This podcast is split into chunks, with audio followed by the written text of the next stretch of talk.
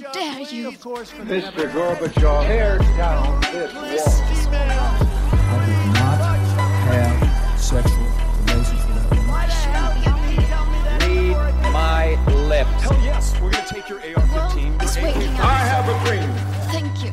Vi er i gang faktisk her på Grand Bar i, um, i Halden. Mitt navn er Sondre Lindahl, og eh, sammen med meg har har jeg kollega Harald Borgebunn. Vi jobber til daglig som uh, førsteamanuensis i statsvitenskap ved Høgskolen Østfold, hvis noen lurte på hvorfor i alle dager vi driver med det her. da. Eh, og det er med, med ganske stor glede at vi tar podkasten ut av HiØ og til Gran Bar i Halden. Eh, Harald, du, har du trua? Eh, ja, det her er, blir jo en premiere, og vi er jo egentlig ganske spente på hvordan det, det vil bli. Og mm, det ser jo veldig lovende ut eh, så langt, i hvert fall. Ja, vi har jo samla 30 oss sekunder. Så Du, vi har samla oss rundt Ja, det har ikke gått så mye feil ennå. Vi har samla oss rundt eh, piano. Det er levende lys. eh, og det er jo egentlig ganske god stemning. Vi hadde jo planlagt en livepod her i vår, men så kom det et sånn aldri så lite virus i veien og ødela. Men en av de som har pusha på veldig for at vi skal eh, få til podkast her på Grand Bar, det er jo vår kollega Maria Madeleine Knutsen. Velkommen. Takk. Du er gira, du òg, eller? Skikkelig gira. Ja. Det, ikke vær så entusiastisk. det, det ser, ser mye bedre ut. Eh, så hun er garantert eh, entusiastisk. Eh, og sist, men ikke minst, så er det en glede å ønske Per Sandberg velkommen som gjest i podkasten. Og samtidig, samtidig takke da for at du er vert for podkasten. Ja, det er gleden er på min side. Det er- Så, så lenge vi får diskutert eh, politikk og samfunnsspørsmål, så stiller jeg opp eh, hele døgnet. Ja. Da, da, da fikk jo lytterne en, eh, en liten oppfordring der. Det er bare å komme til eh, Gran Bar og så ta for dere Per hvis dere er enige eller uenige. Men eh, første spørsmål, eh, Per. eh, Det trenger ikke være noe eh, politikk. Vi starter litt rolig. Det har jo vært eh, noen måneder nå i Halden. Føles det bra? Er det, føler du deg som en eh, østfolding? Eller viking, da? Ja, vi, vi føler oss eh, veldig velkommen her, da. Eh, og så har jeg sagt, jeg vet ikke om det er rett eller eh, om det er klokt av meg å si det, men det er litt sånn trønderske eh, holdninger her. Så litt sånn laidback og litt sånn gi faen en gang iblant. Og, eh, og det harmonerer med meg etter 30 år i politikken også. Eh, man kan ikke ta alt eh, alvorlig, for da, da blir det for alvorlig. Mm. Så eh, masse flotte folk. Og, men vi har jo jobba livet av oss, da, vet du. Eh, siden 15. mai. Ja, for det, er, ja, det begynner å bli litt tid. Og det har vært en sånn merkelig tid òg, med denne koronagreia. Det gikk vel ikke helt som dere hadde planlagt kanskje i vår? Nei, det var, det var, det, det var skjæring. Vi skulle åpne 2. mars, og så ble vi nedstengt Nei, 1. mars. Så ble vi nedstengt 2. mars. Så debuten var jo kortvarig. Det var 24 timer, og så ble vi nedstengt i to, to måneder. Eh, men det åpna 15. mai, og siden da så har det vært eh, ganske bra trøkk her. Mm. Eh, og det virker som at haldenseren og ja, folk fra Fredrikstad og Moss og Sarpsborg trives her også, så ja, bra med folk. Det, det går rimelig bra. Mm. Ja, det er, altså, jeg har jo alltid sagt at Halden er jo på en måte perla i Østfold. Um, ja, og nå- og nå ler de, men altså for oss som kommer fra andre delen av Viken, så, eh, så mener jeg at min, som helt objektiv uh, tilskuer at uh, det er sant, da. Da lar vi den dø. Eh, det, var første, det var første sak i podkasten. Det var, eh, er fint at vi har fått et forum hvor vi kan bestemme sånne ting. Men eh, jeg tenkte vi skulle starte litt mer konkret på politikken. Fordi at det var egentlig perfekt timing at vi starter med livepodkasten her, samtidig som vi har fått et nytt politisk parti. Sentrum. Eh, hot take fra Per Sandberg på partiet Sentrum. Ja, nå, nå har vi jo ikke fått et nytt parti, de skal jo samle 5000 underskrifter, disse også. Ja.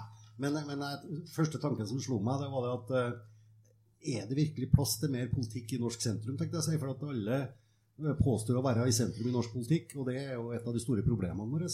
For at når du havner i sentrum, så har du ingen ideologi, du har ingen kurs. Du bare vaser rundt i en graut uten å ta noen skikkelige bestemmelser og, og gi noen retning for velgerne. Eh, til og med Høyre påstår jo innimellom å være i sentrum.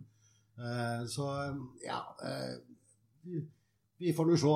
Jeg har nå sett eh, liksom, de tre-fire punktene de skal gå til valg på.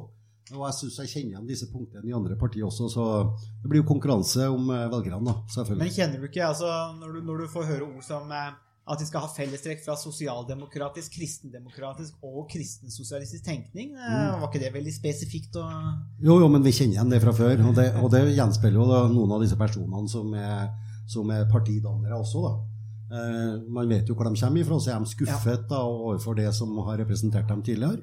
Og så prøver de da å kanskje forsterke denne ideologien eller tanken. da, Altså blande politikk og religion og alt dette. Eh, og det mener jeg er helt håpløst. da. Ja, Harald? Sentrum?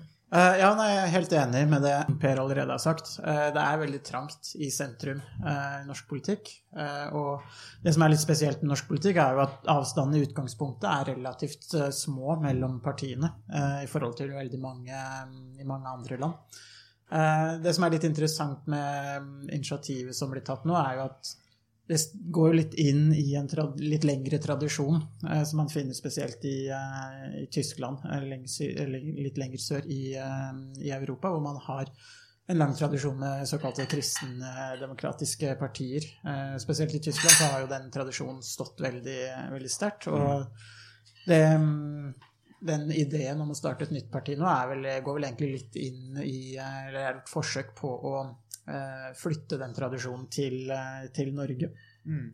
Men det kan, bli, eh, kan jo bli en litt eh, trang fødsel, eh, delvis fordi eh, den kombinasjonen av eh, politikk og religion er vi nok kanskje ikke så åpne for eh, i eh, Norge. Og I tillegg så, så er det jo veldig trangt fra før i, eh, i det såkalte sentrum eh, i norsk politikk. Og det er jo egentlig, man må egentlig si at det er egentlig ikke noe sentrum, det er bare det at det, avstanden mellom partiene er så liten, så alle blir, ender opp eh, nesten på det samme, i det samme terrenget og samme område uansett. Mm. Men tror vi, tror vi et sånt parti har eh, altså, Tror vi kommer til å bli en politisk faktor? Kommer du til å stemme på sentrum eh, neste valg eh, hvis de har 5000 eh, underskrifter, Maria? Nei.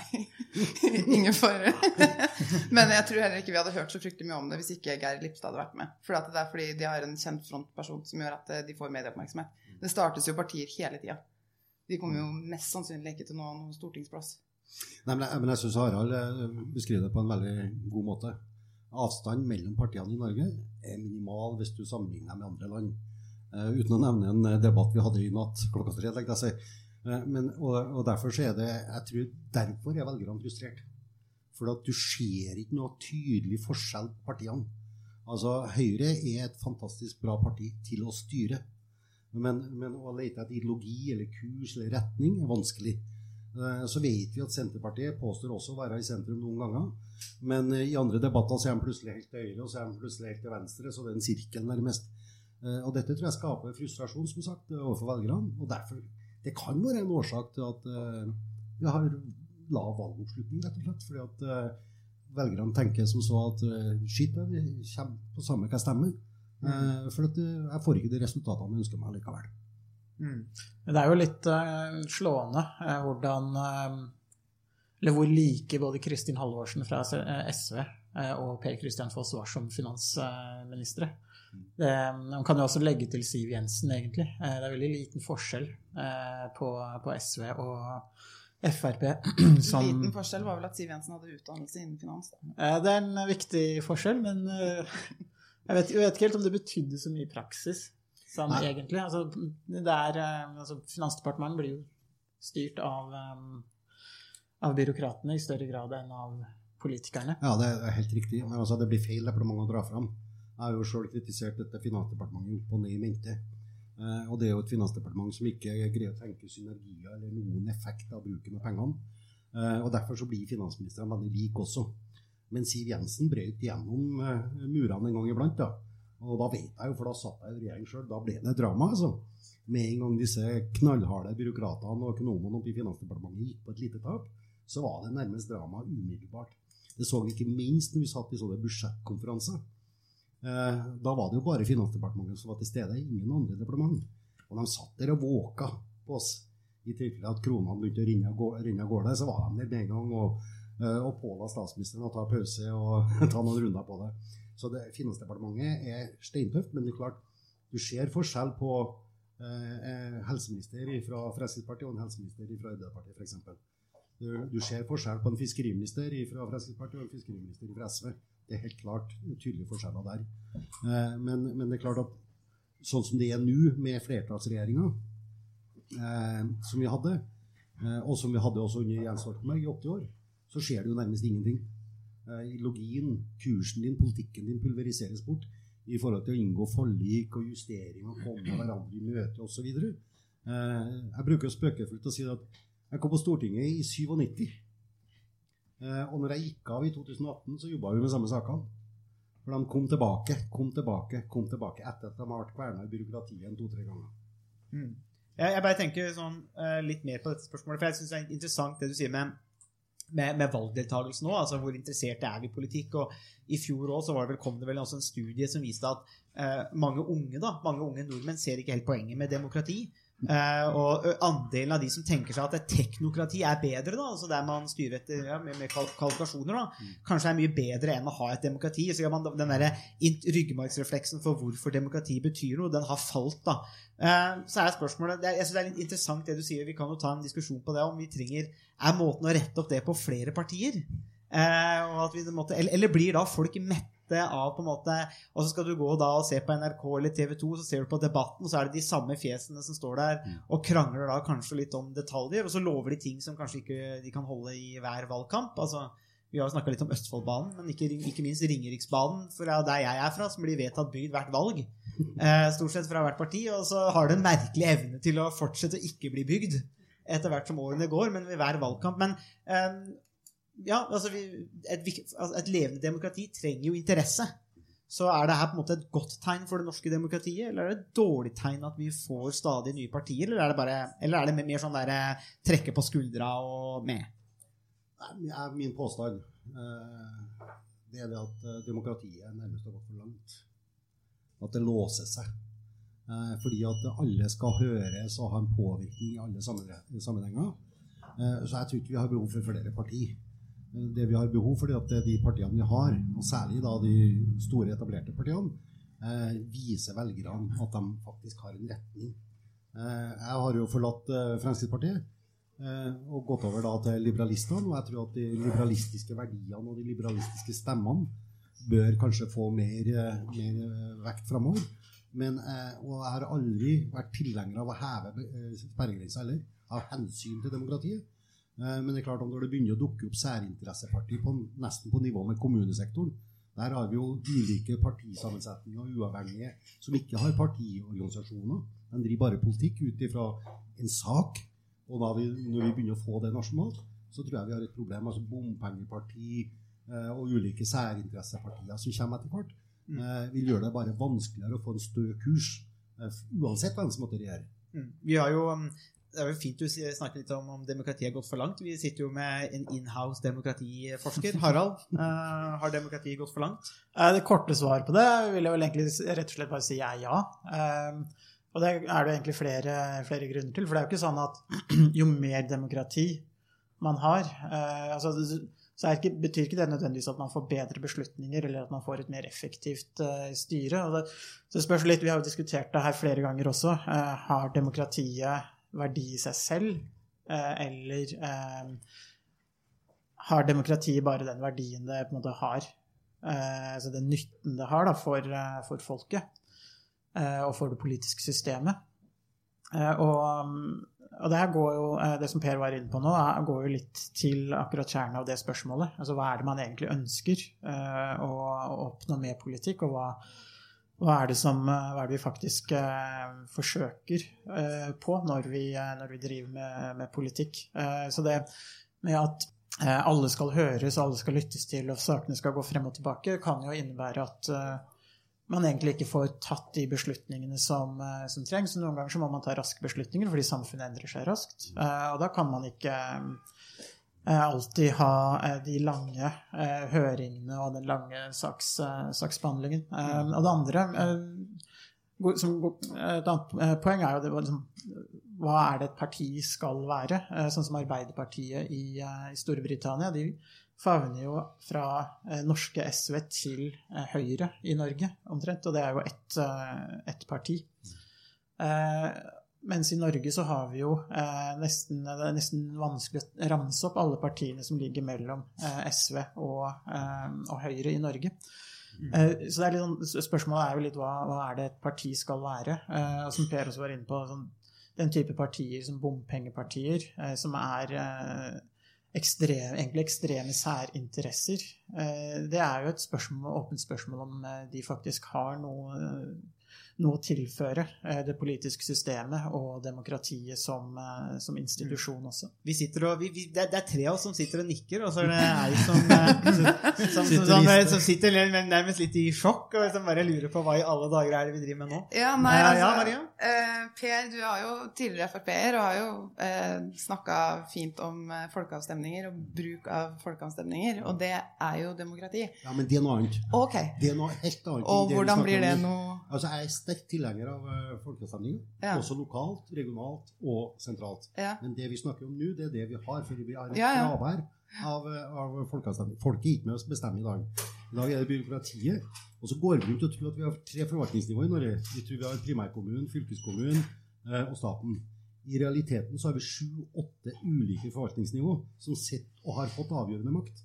Sånn som direktorat, 72 underliggende statlige etater som er med å bestemme og får makt. Mellom primærkommune og fylkeskommune. Der sitter ordførerråd. Der er interkommunale selskap, interkommunale samarbeid. Mellom fylkeskommunen og staten så er det en hel masse rør eh, som har beslutningsrett. Det Blir det mindre hvis man tar folkeavstemning, da?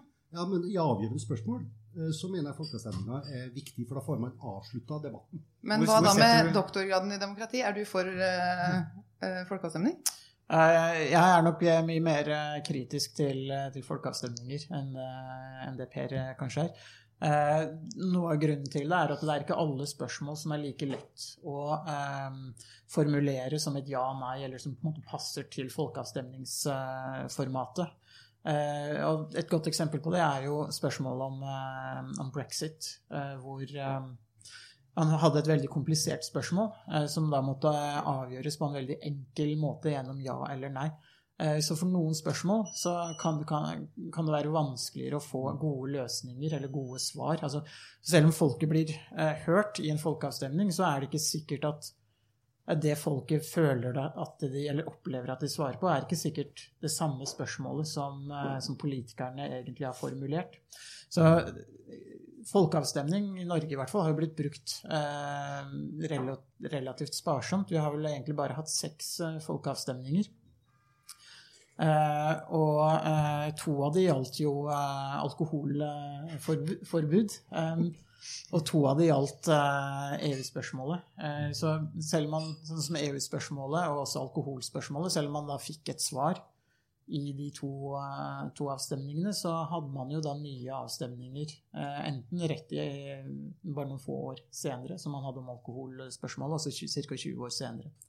Når det gjaldt eh, EU, eh, EU-spørsmålet. Så folkeavstemning er egentlig på en måte lett, fordi det er veldig rett fram, og man kan si ja eller nei, men samtidig så krever det nok mer både av folket og av eh, politikerne. Men hvis man skal ha Hvis man, hvis man skal være eh, genuint opptatt av at demokrati skal være et folkestyre, så vil eh, folkeavstemninger absolutt ha en rolle eh, å spille. Men det politiske systemet vi har i dag, er jo på mange måter ikke et, et demokrati hvor det er folket som, eh, som styrer. Det er ganske begrensa rom for eh, Vi skulle For hatt folk. en folkeavstemning på om vi skulle blitt Viken eller forholdt oss til å være Østfold. Kanskje? Ja, så, så, og For en som kom fra Buskerud, så er jeg helt enig. Eh, vi, har, vi har blitt dratt inn i noe vi ikke hadde sett for oss. Eh, så det, det, det føles som en overgrep eller overtramp. Jo, men, men, det, men det der igjen, ikke sant? Hvis, hvis, Nei, da er jeg enig. hvis, hvis, hvis partiene og politikerne er tydelige Hvis vi går på kommunestruktur og fylkeskommunen her nå Fremskrittspartiet ville, vil legge, ta bort fylkeskommunen. Enkelt og greit. Hvordan syns du det gikk? Ja, Det gikk ikke særlig bra. da. Nei. For Der også havna man i en diskusjon om hvordan fylkene skulle se ut ved sammenslåing. I stedet for å holde fast på prinsippet sitt om at denne fylkeskommunen skal bort. Mm. Et, det er et unødig tredje forvaltningsnivå. Eh, og vi så jo også altså Det er jo svakheter med folkeavstemning. Jeg tror det var noen kommune, eh, folkeavstemning om noen kommunesammenslutning her, der at oppslutninga var nede på 20% Da er jo det bortkasta. Det skjønner alle. Så jeg sier ikke at vi skal ha tvang hvis vi skal ha folkeavstemning, men da må i hvert fall 70-80% av dem som er stemmeberettiget, være med å stemme. Hvis ikke så har det ingen virkning i hele tatt. Da vil du bare få flere diskusjoner etterpå. Men det jeg sier, årsaken til at vi eh, i større og større grad må lytte til særinteresseparti, eller får mer og mer makt, eller det at folket krever eh, flere og flere folkeavstemninger, det er jo det at partiene ikke er tydelige, og ikke holder fast på tydeligheten sin. Eh, og, men altså i, I et liberalistisk samfunn så er det jo ikke nødvendig da, med folkeavstemning. Men bompengepartiet kom jo når Frp satt med samferdselsministeren. Mm. Ja. Ja da. Men det, men det er jo klart at eh, det er jo en sånn tabbe som politikerne lærer etter 30 år i politikken. Si aldri at du skal gjøre noe bastant. Ikke bruk tall. For da går du i fella på et eller annet tidspunkt. Altså, vi kjenner mange til Vi skal fjerne alle bommestasjonene eh, når vi kommer i regjering. Det var opplest og vedtatt, og så, og så visste man i forkant at det greier man ikke. Ikke med 16,2 i hvert fall. Da må du ha 47% ikke sant? for da har du makta alene. Da kan du fjerne alle bomstasjoner. Jeg bare tenker eh, Bare litt sånn eh, eh, admin-greier her. Eh, det er mulig å stille spørsmål, så hvis noen har lyst til å stille spørsmål eh, etter hvert som tida går, eller brenner inne med noe, så er det bare å eh, skrike ut, og så skal vi Jeg tror vi bare får bare si det, og så får vi bare gjenta spørsmålet. Um, også det, det siste fra vår eh, for lydmann. eh, bare pass på at du snakker rett inn i mikken, Per, ellers så får ikke lytterne våre høre deg med all den stemmeprakten eh, som du har. Så, eh, men men det, det jeg også tenker litt på litt dette, dette med, med, med, med folkeavstemninger. Da, for jeg tenker litt som Harald at det virker veldig enkelt og greit og litt sånn forlokkende, men så er spørsmålet om folk bryr seg. Eh, og om folk bryr seg nok. Altså, jeg, er litt, jeg, jeg er litt usikker på det. Altså, ja, du får på en måte en avgjørelse, men spørsmål kan være veldig kompliserte. Så hvis vi ser på brexit, sant, så er jo det ja, nei, på en måte ja, nei til EU. Men hvor mange av de tenkte på ja, nei eller fredsprosessen i Nord-Irland, Irland, på grensehandelen, Skottland-spørsmålet Altså, det er veldig komplisert. Og så, og så tenker jeg noen ganger at eh, det kan være vanskelig for oss. Uh, altså, vi jobber jo med det her, Harald, og leser mye rart, sånn, men det er, det er jo mye å sette seg inn i sånne ting. Og det er ikke alltid vi føler at det er så forbanna moro og mye moro som skjer i politikken heller. Eh, eller av, politiske spørsmål, så kan man da forvente at mange andre som har mange andre interesser, engasjement, eh, prioriteringer eh, på en måte at, sette, at av så mange da vil sette seg inn i det slik at et folkeavstemningssystem vil, faktisk vil fungere. Det er jeg litt usikker på. da. Mm. Uh, så jeg, jeg lurer, så, så Umiddelbart så tenker jeg at han, eh, kanskje ideen er litt mer forlokkende. Men, men uh, fordi at du tok det opp sjøl, så tenker jeg vi bare hopper rett i der. For at Maria tok det jo også opp. altså Fortid i Frp, men har jo meldt deg ut. Mm. Um, og jeg veit Harald brenner inne med mye spørsmål når du eh, knytter det. Han er veldig du aner. skuffa. Nei, men, eh, men kan, kan du ikke bare ta oss litt gjennom den der, akkurat den prosessen eh, der For du har, jo, du har jo vært mange år i Frp, og er litt sånn mister Frp egentlig på mange måter. Eh, men ikke nå lenger. 30 år. Eh, men det er klart at det er jo ikke noe som er besluttet over natta. Altså, jeg har vært utafor den politiske bobla nå i to år, etter jeg gikk av i 2018. Eh, og det er klart at de, de to har vært eh, Og jeg har ikke noe problem med å innrømme det heller, med hånda på hjertet. Vært utrolig lærerikt. Altså det at du sitter inni denne politiske bobla, enten i storting eller i regjering, så er du nesten skjerma for omgivelsene. Og da blir det også problematisk å se hvordan folket tenker, hvor ligger utfordringene. Kanskje løsningene ligger like utafor bobla også, men du fanger ikke opp det. Selv om at jeg var utrolig flink som stortingspolitiker og regjeringsmedlem også, med å reise rundt og snakke med næringsliv og folk, så oppdager du ting etter hvert. Og da når du sitter på utsida og ser på debatten også eh, For, for øvrig så snakka jeg veldig mye om dette når jeg var regjeringsmedlem. Altså den proteksjonismen og nasjonalismen som vokser fram. Ikke i Norge bare, men jeg mener jo brexit er en del av det som vokser fram av proteksjonisme og nasjonalisme. Debatten i natt fra USA preges akkurat av det samme. Og hvis Norge, og jeg ser mange partier i Norge også, eh, særlig nå når vi går mot stortingsvalg, vil snakke om Norge, alt for Norge og alt dette. Det er vi alle sammen. Vi er for Norge. Men er du for Norge, så skal du ta ut benefiten som Norge har. Og benefiten for Norge har alltid vært at vi handler med resten av verden. At vi gjør gode frihandelsavtaler, at vi har gode avtaler rundt omkring. Og hvis proteksjonismen, nasjonalismen i Norge får råde, så setter vi en strek over dette. Og da er det fem millioner nordmenn som må sette seg ned og tenke seg om. Hva skal vi da leve av framover? Hva, hva skjer med velferdsstaten vår? Utrolig mange er opptatt av det sosiale nettverket vi har, eh, og at vi har et godt eh, helsesystem, velferdssystem og slike ting. Det er ikke bærekraftig sånn som det er i dag. Og hvis man i tillegg med fem millioner mennesker, det er den lille nasjonen vår, som vi er så stolt av, skal begynne å tenke i disse banene, så er vi ferdig. Da må vi bare skjære føttene av velferdssystemet vårt, så må vi begynne på nytt. Det må folk tenke over. Så, Og, det, det, synes, og, det, og derfor så sitter jeg og tenker hvem er det som mangler i norsk politikk? Hvilke stemmer mangler i norsk politikk? Eh, jeg har jo alltid tilhørt den liberale fløyen i Fremskrittspartiet. Og jeg har, fikk jo en følelse av, eh, de siste årene min som nestleder i Fremskrittspartiet også, at den liberale eh, stemmen i Fremskrittspartiet forsvant mer eller mindre også. Eh, og, det, og, det, og det- og jeg bruker å beskrive det på den måten at de siste årene jeg skrev partiprogram og ideologi for Fremskrittspartiet, så var det jo ungdommen som støtta meg. Mhm. Det var ungdommen som backa meg. Og det var liksom svaret, ikke sant? Ja, Maria nikker her. Du, Ja, du, du kjenner igjen det, eller? Ja, jeg har jo stemt for et par av forslagene til Per, så Så, og, der, og det, på utsida så har jeg sett enda mer. Mm. De, de, mange av de sterkeste stemmene til Fremskrittspartiet er nasjonalistiske stemmer som vil stenge oss inne. Korona har vist oss og gitt oss svar på at det går til H hvis vi gjør det på den måten.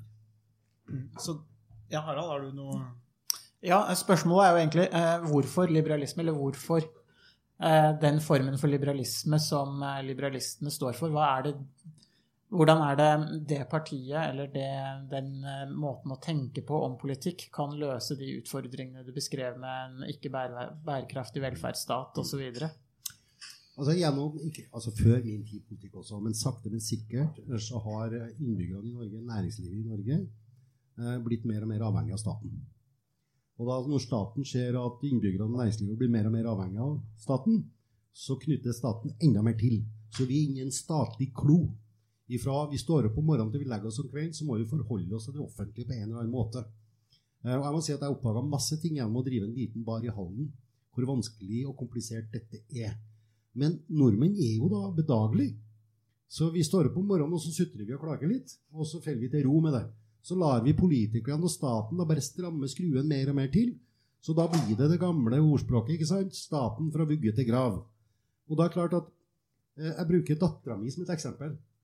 En fantastisk eh, enslig mor. Eh, har en betydelig god jobb. Eh, tjener bortimot 700 000 i året. Hun ville sannsynligvis, eller ikke bare sannsynligvis, hun har gjort et regnestykke på det, hatt netto mer utbetalt hvis hun slutta å jobbe. Og det er sånn samfunnet har blitt. Altså Vi, har, vi er dulla inn i å bli så bortskjemt, og er avhengig av at staten står med almisser uansett hva vi måtte gjøre. Altså Hvis vi tar med olje- og gassektoren i Norge, så betaler vi altså mellom 70 og 80 eh, i skatt. Bare det, ikke sant? Gerhardsen sa i sin tid at den dagen at staten kraftsetter seg mer enn 52% av nasjonalproduktet, så har vi reinhekla eh, kommunismen. I Norge så er vi over 70 altså. Og det at folk må uansett, neste generasjon, må uansett pålegges mer ansvar, ta mer ansvar, og staten må avgi ansvar. Men- og det er det liberalismen handler om. Nå er det sånn liberalistene, nå har ikke jeg lest eh, partiprogrammet deres, ble vedtatt for 14 dager siden, men det er ikke selve handlingsprogrammet i liberalismen.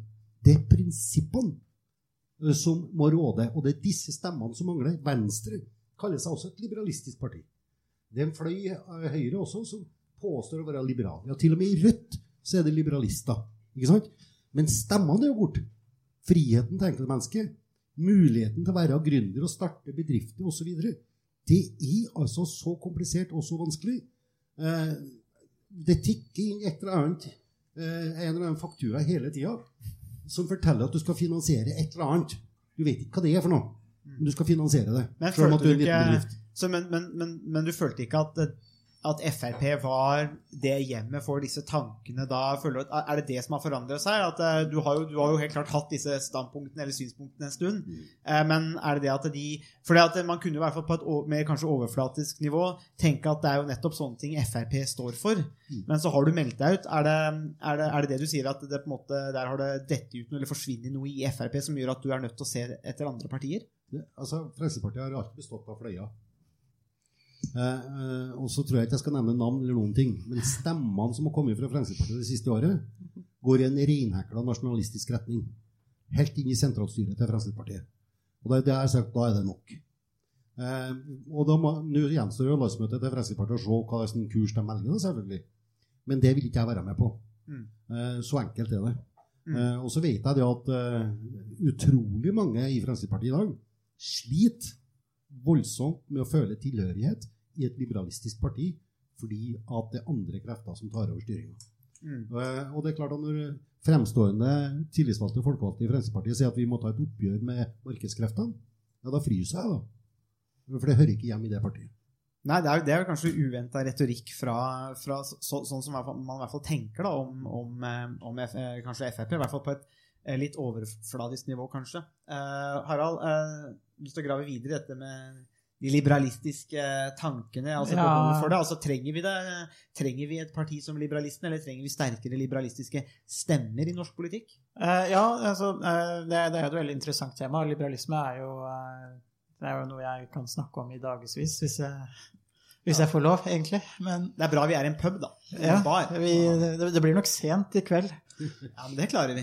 Nei, altså, eh, Per var jo litt inne på det også. der det finnes folk, eller politikere som kaller seg eh, liberaler eller liberalister i veldig mange partier, og man har ulike fløyer. Men, og, men det som eh, kanskje gjelder partiliberalisten, er jo at det er en, det er kanskje en mer spesifikk form for eh, liberalisme. Eh, og liberalisme kan jo forstås på, um, på mange ulike, ulike måter. Eh, og noe av det som, eh, som kanskje kjennetegner liberalistene, eller den typen liberalisme, er jo at man, man vektlegger ideen om frihet veldig, veldig sterkt. Og det blir den dominerende politiske verdien. Og da er spørsmålet hvorfor er frihet? Hvorfor tenker du frihet er så viktig som en politisk, eh, politisk verdi? Frihet for meg, det er en menneskerettighet. Eh, Og det er klart at eh, Vi snakker veldig mye om menneskerettigheter i andre sammenhenger. Men når friheten din sakte, men sikkert skrenkes inn gjennom overvåking og kontroll og tilsyn hele tida fra statlige myndigheter, så mister vi en del av menneskerettighetene. Altså, det, handler ikke om kardemomme på noen slags måte. Men jeg mener jo at så lenge at du er snill og grei, og ikke er noen andre til byrde, så skal du få lov til å være i fred, rett og slett. Det er det det handler om. Men i Norge så er det jo motsatt. Sjøl om at du er snill og grei, dagen lang, hele livet, så skal du kontrolleres allikevel. Jeg var en av dem på Stortinget som kjempa med nebb og klør eh, i forhold til dette overvåkningsdirektivet som kom i sin tid. Eh, Den, jeg, den gangen fikk jeg jo hjelp på tyske grunnloven for å få stoppa det. Men tro meg, de snikinnfører det allikevel. Så du blir overvåka totalt eh, uansett hva du måtte gjøre. Så kan vi si at det er en fordel da, for at du oppklarer politisaker og sånne ting. At du har denne type overvåking hele tida. Men det er den enkle, lille friheten der at du får et pusterom sjøl. Og sånn som vi har følt i forhold til denne barna, bitte liten næring som må slite ræva av seg for å hele tatt å få det til å opp og gå. Vi er kontrollert fra morgen til kveld. Sjøl om at vi gjør alt greit. Vi er ikke perfekt. Vi er ikke 100% men så lenge at vi ikke er til byrde for noen, så syns jeg vi skal få lov til å skape arbeidsplasser osv. Det, er det er jo bare Norge, vet du. Det er jo bare staten som tar betaling av en arbeidsgiver for at den ansetter folk. Det hører ikke hjem noen plass. Og i stedet for å fjerne arbeidsgiveravgifta, sånn som liberalistene ønsker seg, så sitter man der og tar imot høye skatter og avgifter. Så deler man ut almisser til enkeltmennesker, til næringsliv osv. for at de skal berge seg i framtida. Og så har vi en velferdsstat som dynger oss ned, og som ikke er bærekraftig i hele tatt. Siden i 2004 så har storting og regjering eh, fått klar melding om hvis vi fortsetter sånn som dette, så er det ikke bærekraftig. Dette går ikke bra, for utgiftene våre er så store. Men ingen har gjort noe med det. Brochmann-utvalget var tydelig. Det er den tydeligste meldinga alle nasjonale politikere fikk, har fått noensinne. Hvis dere fortsetter sånn, så går det galt. Men hva skjer når du sitter rundt budsjettbordet i en regjeringskonferanse? Mye vil ha mer. Mye vil ha mer. Mm. Og det, og det er jo det det handler om. Ja. Alle skal ha mer. Alle skal ha, skal ha, skal ha. Og så ender det opp med at eh, du må øke skatter og avgifter. Maria? Jo, altså, jeg tror det eh, Med å være liberalist nå, så tror jeg dere skal få slite ganske greit under stortingsvalget. Fordi jeg tror det er veldig mange som har, eh, har kalt alle som har gått på Nav for trygdesnyltere og alt mulig. Men så har vi nå hatt en pandemi som har gjort at folk som trodde de aldri skulle havne på Nav, brått havna der allikevel. Så nå har jo folk fått merke godene av en velferdsstat som de kanskje ikke merka før. Så jeg tror flere setter pris nå på at staten tar litt ansvar for dem, og at de faktisk anser det å ha en stor og sterk velferdsstat som frihet. Fordi det har gitt dem en økonomisk frihet når de mister jobbene sine. Og hvordan tror du da det blir for liberalistene, for Frp og for dem som vil kutte i, i de godene der eh, og stille til valg i stortingsvalget neste år? Ja, altså kutte godene. Eh, du balanserer det jo. Altså Enten så eh, får du almisser fra staten, eller så får du lavere skatter og avgifter. Så får du mer igjen for de pengene du tjener. Mm. Altså at du får bruke inntekta di sjøl i mye større grad. Og så tror jeg at pandemien, og det vi ser nå ut ifra at, at man kaster penger etter eh, enkeltmennesker og næringsliv osv., det hadde ikke skjedd. Dette behovet hadde ikke vært til stede hvis vi gjennom de 15-20-25 siste årene har lagt opp til en annen struktur. Det er jo nettopp oppbygginga av denne store velferdsstaten gjennom høyere skatter, avgifter, reguleringer, påbud og forbud som nettopp gjør at folk blir avhengig. Den avhengigheten hadde ikke vært til stede hvis du hadde et annet system tidligere. Nja, der er jeg ikke enig med deg, for folk er jo avhengig av en inntekt. Og hvis de mister jobben grunnet en pandemi, og staten kan tilby dem den inntekta Ja. de mangler, hvem, hvordan skal de ellers løse den inntekta? Ja, må ta det i riktig rekkefølge. Jeg sier at Hvis vi hadde bygd et annet system, mm. hadde et annet system som hadde bygd opp til pandemien, så hadde jo næringslivet vært mye sterkere til å stå på egne bein, og arbeidsplassene har vært mye tryggere. Hva slags system er det som legger til rette for det? Lavere da? skatter og avgifter, eh, ingen arbeidsgiveravgift f.eks. Der at bedriften i mye større grad kunne bygd opp en sterkere egenkapital i stedet for å gi det til staten, som da skal gi almisser. Dette er et system satt i struktur. Men jeg er enig med deg. Mhm. Og, og representere liberalistene fram mot eh, 2021, det er ikke noen enkel oppgave. Men jeg mener at jeg har gjort et riktig valg. Ja. For at disse stemmene skal høres. For hvis ikke noen da fremmer disse stemmene, så vil dette løpet bare fortsette og fortsette og fortsette.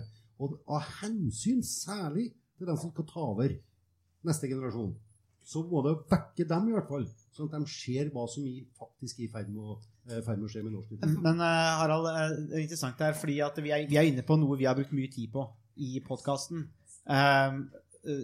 til en, til, på en måte så beskriver jeg beskriver jo Per litt det som vi har kanskje har kalt den offentlige sjuka i, i Norge òg. Men jeg tenker han nevner det, altså det i, i svaret til Maria, litt det med det liberale systemet sånt, eh, og, og den type ting.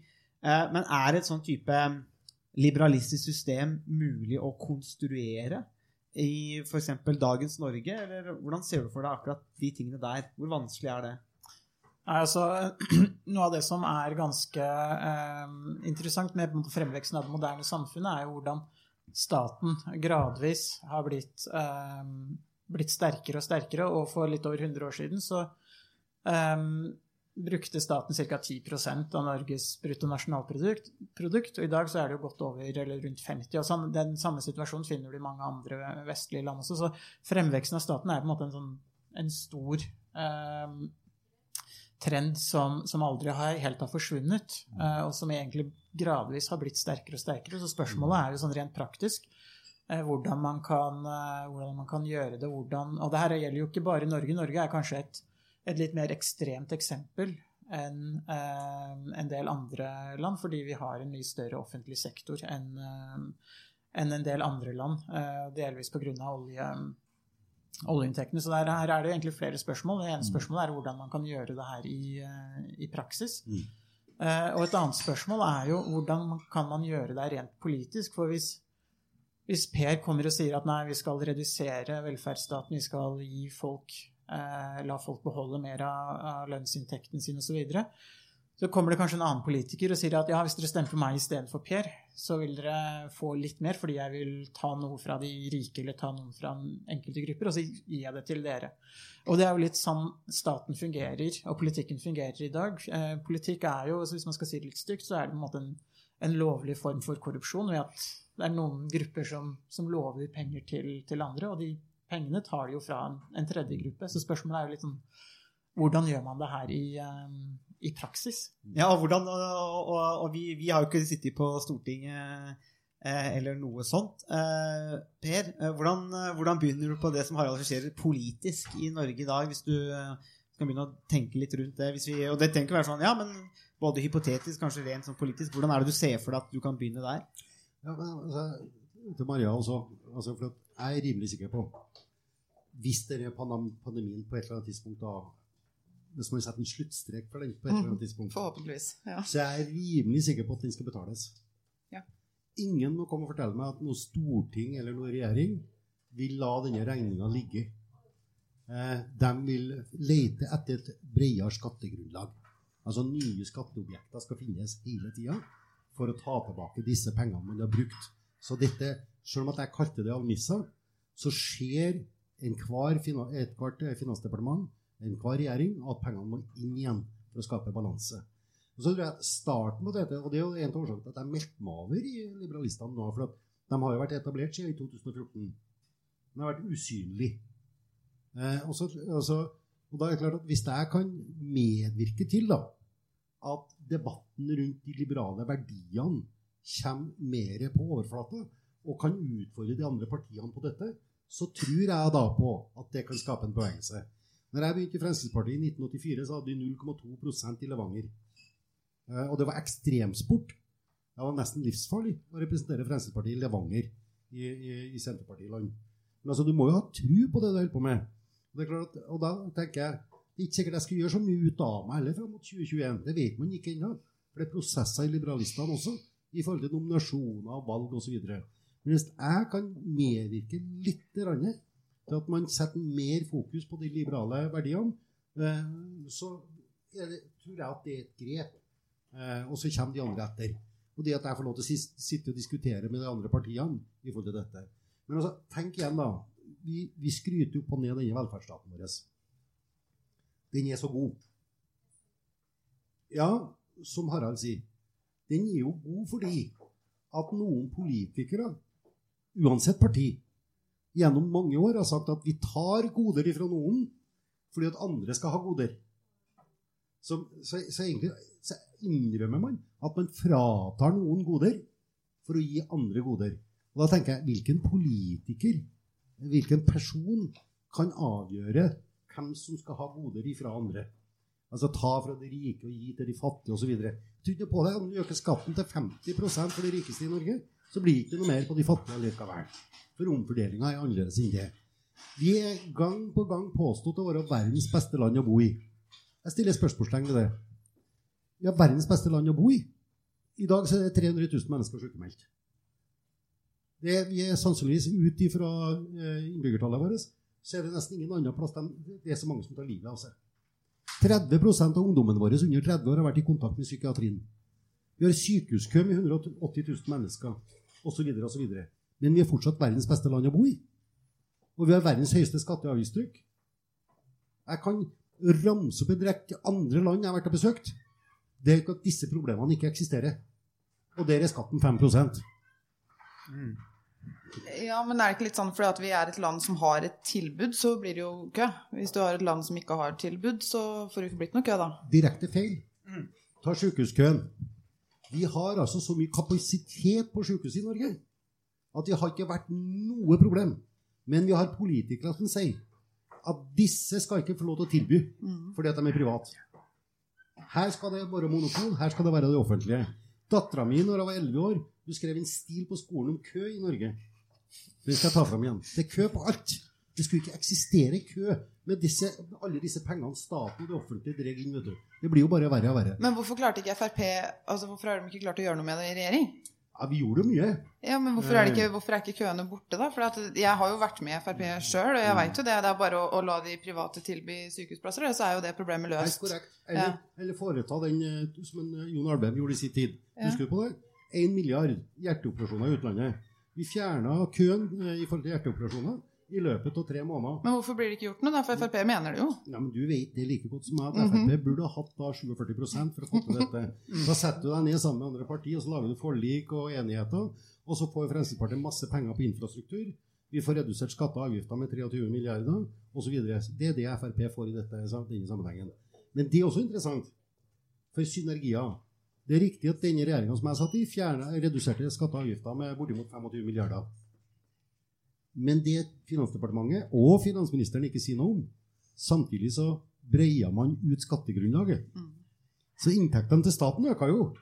For at man fant nye objekter å skattlegge. Nå er jo snart bare cornerflaggene og fotballbanene som ikke er skattelagt. Mm. Det er jo, det, det er jo Jeg tenker at det passer Jeg, jeg gjentar meg sjøl. Som jeg sier, det passer veldig godt inn det vi kaller for denne offentlige sjuka, eller det som kanskje på finans, eller økonomi, økonomisk teori da også kalles rent-seeking. Eh, og jeg tror kanskje ikke noen partier eller eh, svært mange politikere er eh, immune mot den. Så det kan vel hende at eh, når Frp kom i, system, i makt òg, og i posisjon, så var det også veldig fint å sitte på toppen med, og, og ikke nødvendigvis ta de tøffe grepene. For når man er på topp og i posisjon, så fortoner ting seg litt annerledes. Men Harald, eh, du så veldig eh, så ut som du, du så litt betenkt ut her. Eller var du betenkt, eller var du bare alvorlig, eller? Nei, jeg, er alltid betenkt, jeg. Ja.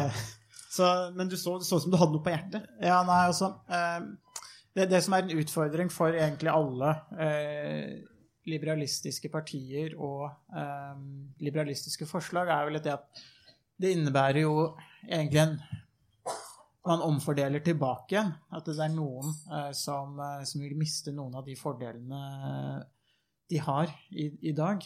Eh, og det som er det klassiske argumentet mot den formen for liberalisme, er jo det at det vil gå utover de svakeste i, eh, i samfunnet. Eh, hva tenker du om det, Per? Hvordan er det, hvordan er det de svakeste i samfunnet kan eh, komme bedre ut av et liberalistisk eh, Eller i et liberalistisk samfunn? Mm. Nei, dette, og det er helt riktig. Det er det som blir spørsmålet. Men i dag så har vi altså Hvem er det som er avhengig av eh, det sosiale nettverket sitt i dag? Vi må begynne å sortere. Hvem er det som nyter godt av den velferdsmodellen vi har? Og, og nettverket og det sosiale eh, nettet som skal ta vare på folk som ikke greier seg sjøl. Av ulike årsaker. Det er, ikke, det er jo ikke dem som prioriteres. Det er jo hele samfunnet. Alle er lagt under denne velferdsmodellen. Men alle, også liberalistene, ønsker jo et sosialt nettverk som faktisk tar vare på dem som faktisk har behovet. Som faktisk må ha bistand. Jeg bruker ett eksempel på det. Når jeg var eh, leder i Fremskrittspartiet, så ønska jeg å endre sykelønnsordninga. Som er fordelaktig. Enormt fordelaktig. Men ble nedstemt hver eneste gang. Så tenker jeg, hva er logisk med at en frisk, oppegående arbeidstaker får tre dager fravær av ulike årsaker, men skal ha 100% lønn? Mens en som da blir kronisk syk resten av livet, skal bare ha 66 For meg så henger ikke dette sammen. Og da er det spørsmålet hva ivaretar da velferdsmodellen? Den som er frisk, oppegående og har gode inntekter og ikke har noen problemer? Eller den som faktisk da blir kronisk syk og må ha bistand fra det offentlige? Fra? Det er ett eksempel. Jeg kan dra fram masse sånne eksempler. Jeg nevnte dattera mi her i sted, som tjener 700 000 i året og har det veldig bra. Men hun kan altså slutte å få netto utbetalt enda mer. Fordi at du har systemer som ivaretar. Og da er, da er jeg ikke så sikker på at eh, det sosiale nettverket, eller nettet som skal ta vare på folk, er bygd for det som vi faktisk tenkte med dette. Jeg har vært inne på litt, litt relatert spørsmål. Eh, vi har fått inn, fått inn ett spørsmål. eh, det er fra vår eminente lydmann. Eh, og han eh, eh, men, men han men, det- var egentlig et godt- spørsmål, og, har, ha- og hører godt etter, så jeg er egentlig veldig imponert. Ikke, ikke, ikke for de, men det, det er jo bra at noen hører på, da. Eh, men, er bare lydmann som hører på. ja, men, og det er, det er jo på den viktigste som sørger for at det her kommer ut, ut på eteren etter hvert. Da. Eh, Men han lurte litt på. Du, du sa i stad dette med, med arbeidsgiveravgiften, og det er jo også noe som har, har kommet opp i, i, i mange diskusjoner. Altså, for det er jo det er noe som, i hvert fall sist gang jeg leste, er også noe som blir brukt til å i hvert fall på papiret, da, finansiere noe av disse pensjonsordningene og sånn. Men eh, hvis vi tar arbeidsgiveravgiften, spørsmålet her er egentlig det at eh, du, du sa at de ville hvis, de, hvis bedriftene slapp det, så ville de kanskje stå sterkere men når pandemien, eh, pandemien ramma. Spørsmålet går da på men ville, ville ikke bedriftene da bare betalt ut mer overskudd til lederne og aksjonærene og heller brukt pengene på det? Ja, Det blir jo bare en spekulasjon. Min erfaring og statistikken viser det at norsk næringsliv, enten det er små og mellomstore En ting som er veldig viktig her. Husk at 85 av norsk næringsliv er små og mellomstore bedrifter. 85% av næringslivet vårt bæres 85% av inntektene bæres av små og mellomstore bedrifter. Eh, Det er, det er veldig viktig. Også erfaringsmessig så vet vi det. I Norge også statistikken viser det. Altså De som eventuelt utnytter og tar ut utbytte og lever stort på dette, disse såkalte rike, de gjør det faktisk ikke. De aller fleste kanaliserer pengene tilbake i bedriften sin og selskapet sitt for å vokse. Altså, vi, vi er heldige i Norge. For vi har en drivkraft blant gründere eh, og bedriftseiere som sier at de vil mer. De vil vokse. De vil ha, mer og mer. Men dette med arbeidsgiveravgiften, 190 milliarder tror jeg vi betaler inn eh, per år nå, sånn cirka. Og da tenker jeg, eksempler på det nå. Nå, har, nå tror jeg regjeringen har brukt 350 milliarder så langt eh, i pandemien. Eh, og så, tror, og så, så kan vi stille spørsmålet tror man at kostnadene med, eh, med pandemien begrenser seg til 350 milliarder? Nei. Tallene våre sier at fra eh, utgangspunktet uten pandemien så skulle vi ha en arbeidsledighet på under 2% fram til 2025. Det er stor sannsynlighet for at den arbeidsledigheten, arbeidsledigheten vil være dobbelt så stor. Hvilken kostnad er det, da? Hvis, den, hvis vi har dobbelt så høy arbeidsledighet fra 2020 til 2025, hvilken kostnad har det? Da mener jeg det er mye bedre å da restarte norsk økonomi med å redusere skatteavgiftene, og arbeidsgiveravgiften for næringslivet vårt, sånn at de sjøl får ta initiativ til å etablere vekst, ansette nye folk, i stedet for at staten kaster da milliarder ut etter dem på den måten der. Det er ett eksempel. Men det er en rekke andre ting eh, som også næringslivet eh, i forhold til rammevilkårene for eh, næringslivet du kan gjøre for å restarte norsk økonomi.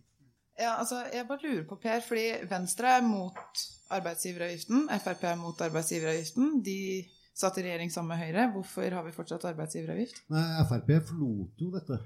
Mm, Men dere var jo, var jo sammen en liten stund. Ja, det, Ja. Altså, det, jeg tapper den kampen, jeg tror jeg. Ja. Eh, Eller, eller Men det er faktisk et større Nei, spørsmål. jeg tapte ikke, jeg vant den faktisk. Ja, men han er jo i det. Ja, men eh, jeg husker når jeg var med i Frp som ung og veldig mange år siden, eh, så gjorde vi narr av eh, den rød-grønne regjeringa, fordi at eh, der var alle partiene eh, for å øke eh, studielånet til 11 måneder. Alle partiene var det, men de hadde forhandla seg bort ifra det, så det ble ikke innført. Det gjorde vi narr av.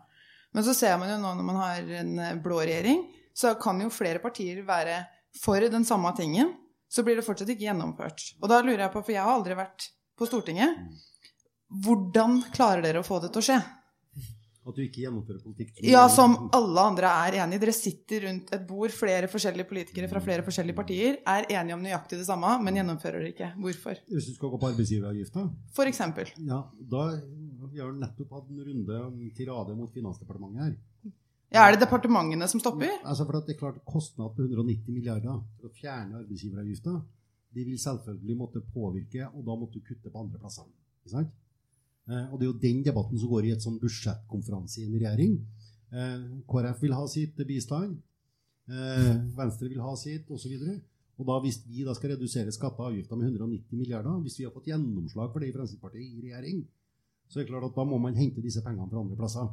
Jo, men hvis alle er partier er enig Ja, men Jeg tror ikke Venstre eh, har foreslått å fjerne arbeidsgiveravgifta. Ja, det tror jeg. De Men har kan foreslått en reduksjon. Men, men, det, men hvis vi skal holde oss til arbeidsgiveravgifta, så går det an å tenke flere modeller. Hvorfor skal man ha arbeidsgiveravgift på den som er, har to ansatte, fem ansatte, ti ansatte? Hvorfor? Ikke sant? Det må gå an å differensiere. Det har jeg også sagt om arbeids, arbeid, eh, arbeidsmiljøloven. Hvorfor ikke gjøre den tilpassa det næringslivet vi har? Eh, Forrige uke så fikk jeg en faktura i posten som jeg aldri skjønte bæret av. Men det viste seg da å være lovpålagt. Altså Uansett bedrift du har, så skal du betale 250 kroner i året inn til regionale verneombud. Aldri hørt om heller. Man kommer aldri til å få bruk for det. Men altså, det må jo gå an å differensiere dette ut ifra hvilket selskap og hvor stor du er. I dag så må du ha to millioner i, hele, i omsetning for i hele tatt kunne si at dette er eh, levedyktig for deg sjøl.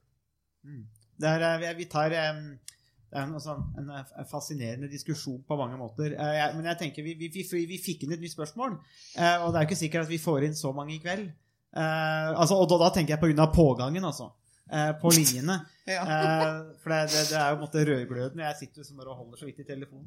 Eh, men, men vi har fått inn et spørsmål her eh, fra Fredrik, som spør i overgangen til et liberalistisk idealsamfunn så anta, ville han tro da, at det ville være ganske stor menneskelig kostnad knyttet til alle de menneskene som nyter godt av et omfattende sosialt sikkerhetsnett. Her er jo noe av det vi har vært inne på.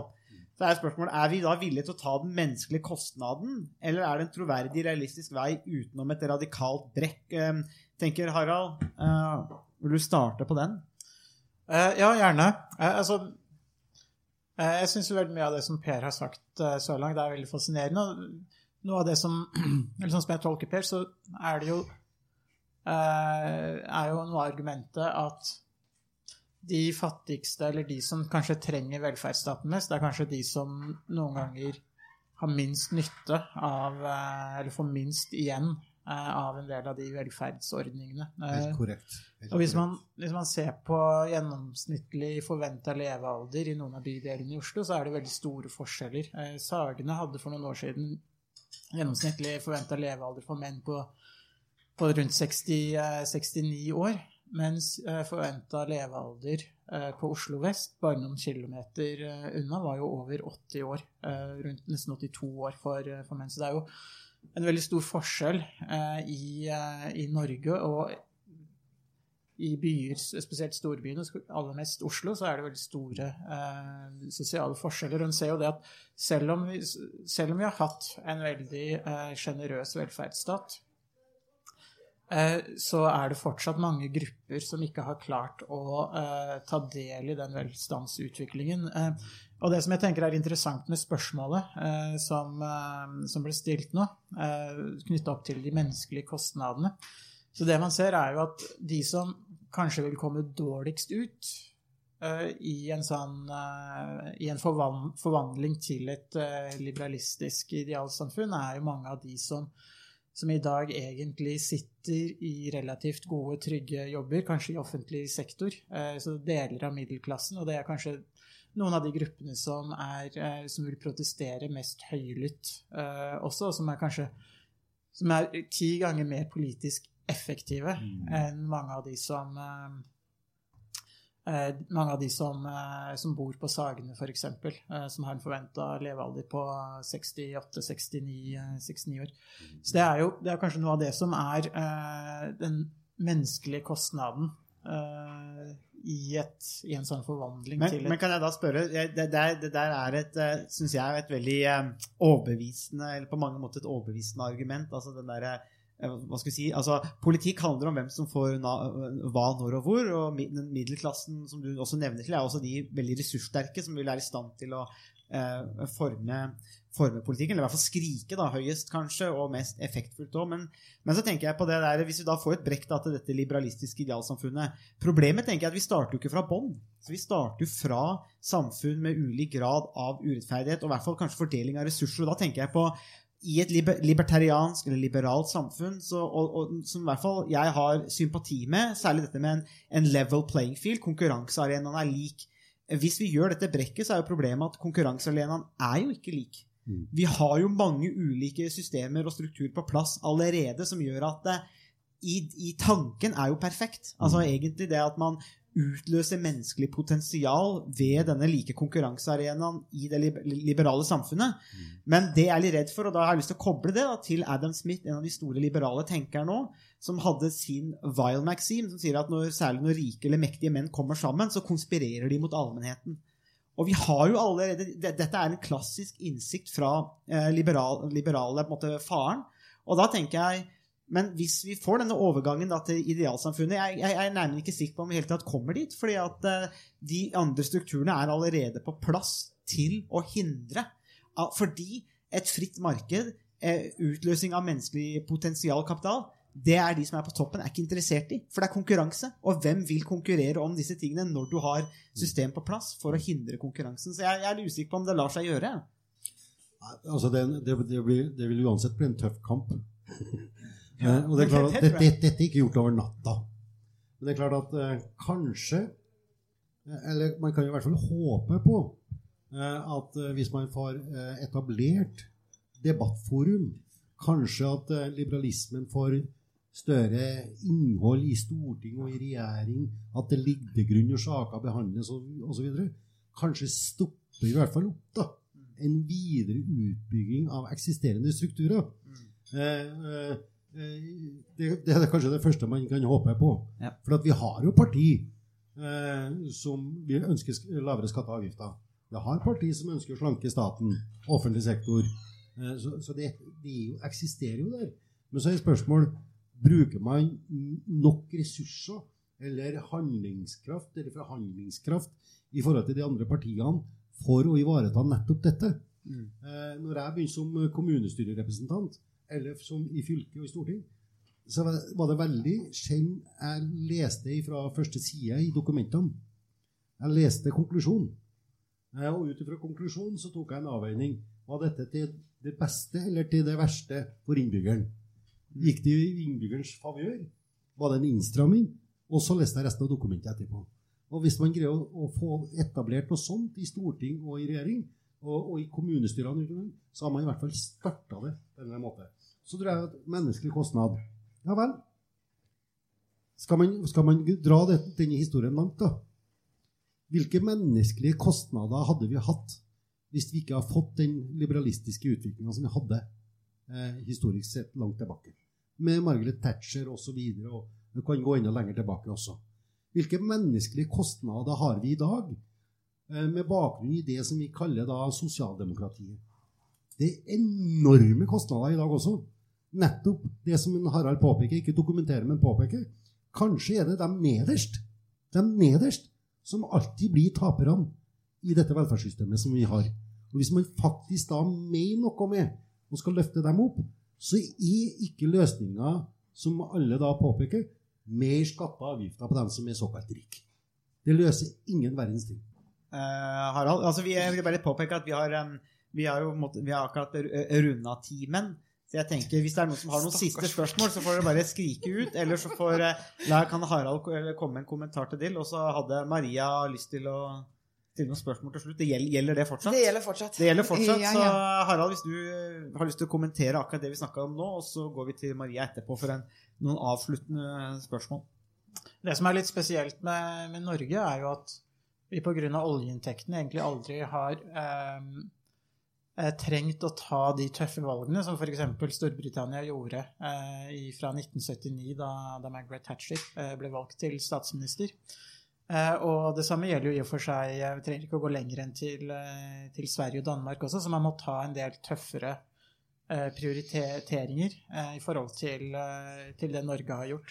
Og det som er vanskelig i, i norsk politikk, er jo fordi man har kunnet, eh, kunnet bruke oljepengene, så, så har det alltid vært mer penger til alle, eh, for å si det litt enkelt. Eh, Det har gjort at man i veldig liten grad har trengt å ta tøffe valg. Og mm, så lenge, Man kan jo si at det er jo litt menneskelig. Politikerne er menneskelige i den forstand at de, de, de vil jo ofte velge noen av de, eh, de enkleste løsningene. Det er en, alltid enklere å bruke litt mer penger hvis man kan komme unna med det, enn å, enn å måtte ta upopulære eh, beslutninger. Eh, men før eller siden så vil jo Norge også gå tom for, eh, for penger. Eh, Spørsmålet er jo om, vi vil, om det da vil være, om det vil være på et tidspunkt hvor, hvor det er eh, fortsatt mulig å snu, eller hvordan det vil, det vil påvirke den politiske situasjonen i, i Norge. Men i kveld så har vi mer enn nok penger til å holde barn til Per gående.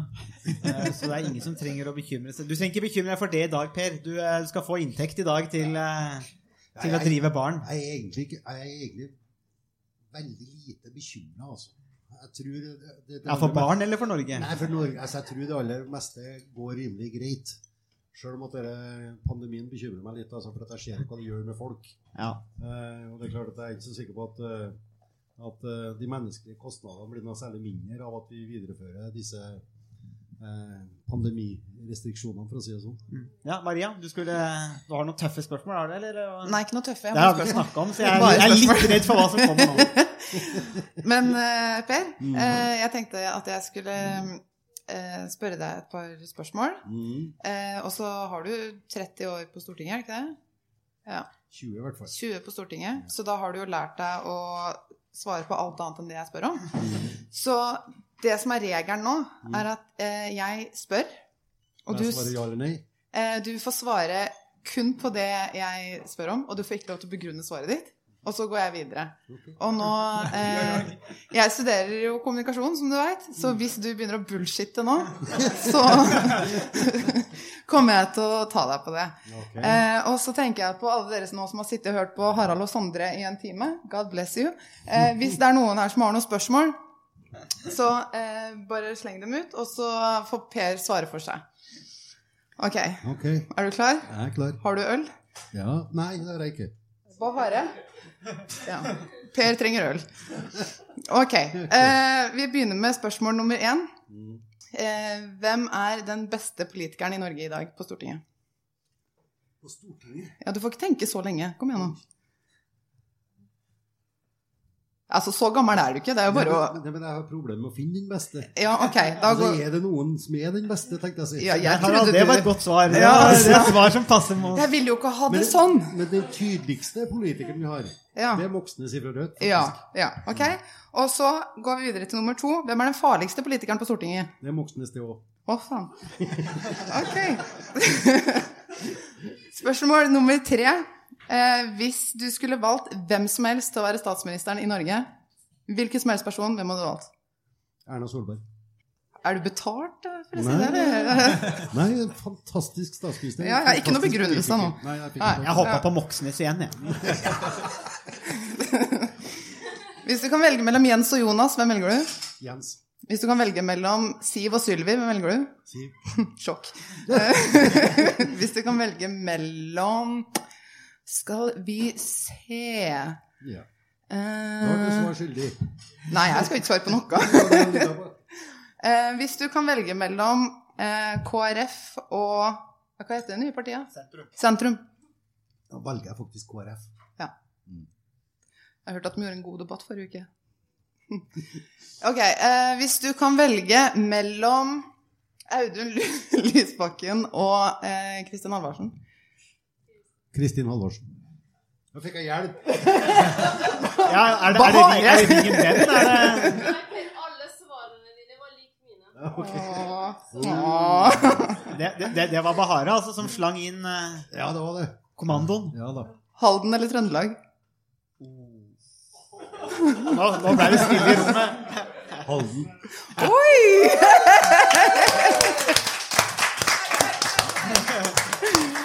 Ok, Uh, siste og viktigste spørsmål. Var det riktig at Østfold ble gjort om til Viken? At Østfold ble gjort om til Viken. Nei, det var en katastrofe. Nydelig. Da er vi ferdige. Takk. Da er det, da var det en god slutt på, eh, på, på podkasten. Takk til Per som både gjest og vert eh, for podkasten. Og så håper jeg at vi kommer tilbake om en, eh, om en måneds tid, kanskje. Eh, Får se om Per fortsatt er her. Eh, eller om vi har funnet en ny gjest. Vi får se. Vi er litt usikre på men forhåpentligvis er vi tilbake om en eh, måneds eh, tid igjen. Det her var, var, var i hvert fall fryktelig moro. Syns du ikke det, Harald? Det var kjempegøy. Vi burde ha gjort det her for, for lenge siden. Jeg vet. Så hadde det ikke vært for den koronaen, så skulle vi gjort det. Ja. Uansett, takk, for alle, takk til alle som møtte opp. Eh, og så håper jeg at eh, dere hører på podkasten, og at vi ses her i program Bar i Halden om en måned igjen nå. Takk og hei. Hei, hei.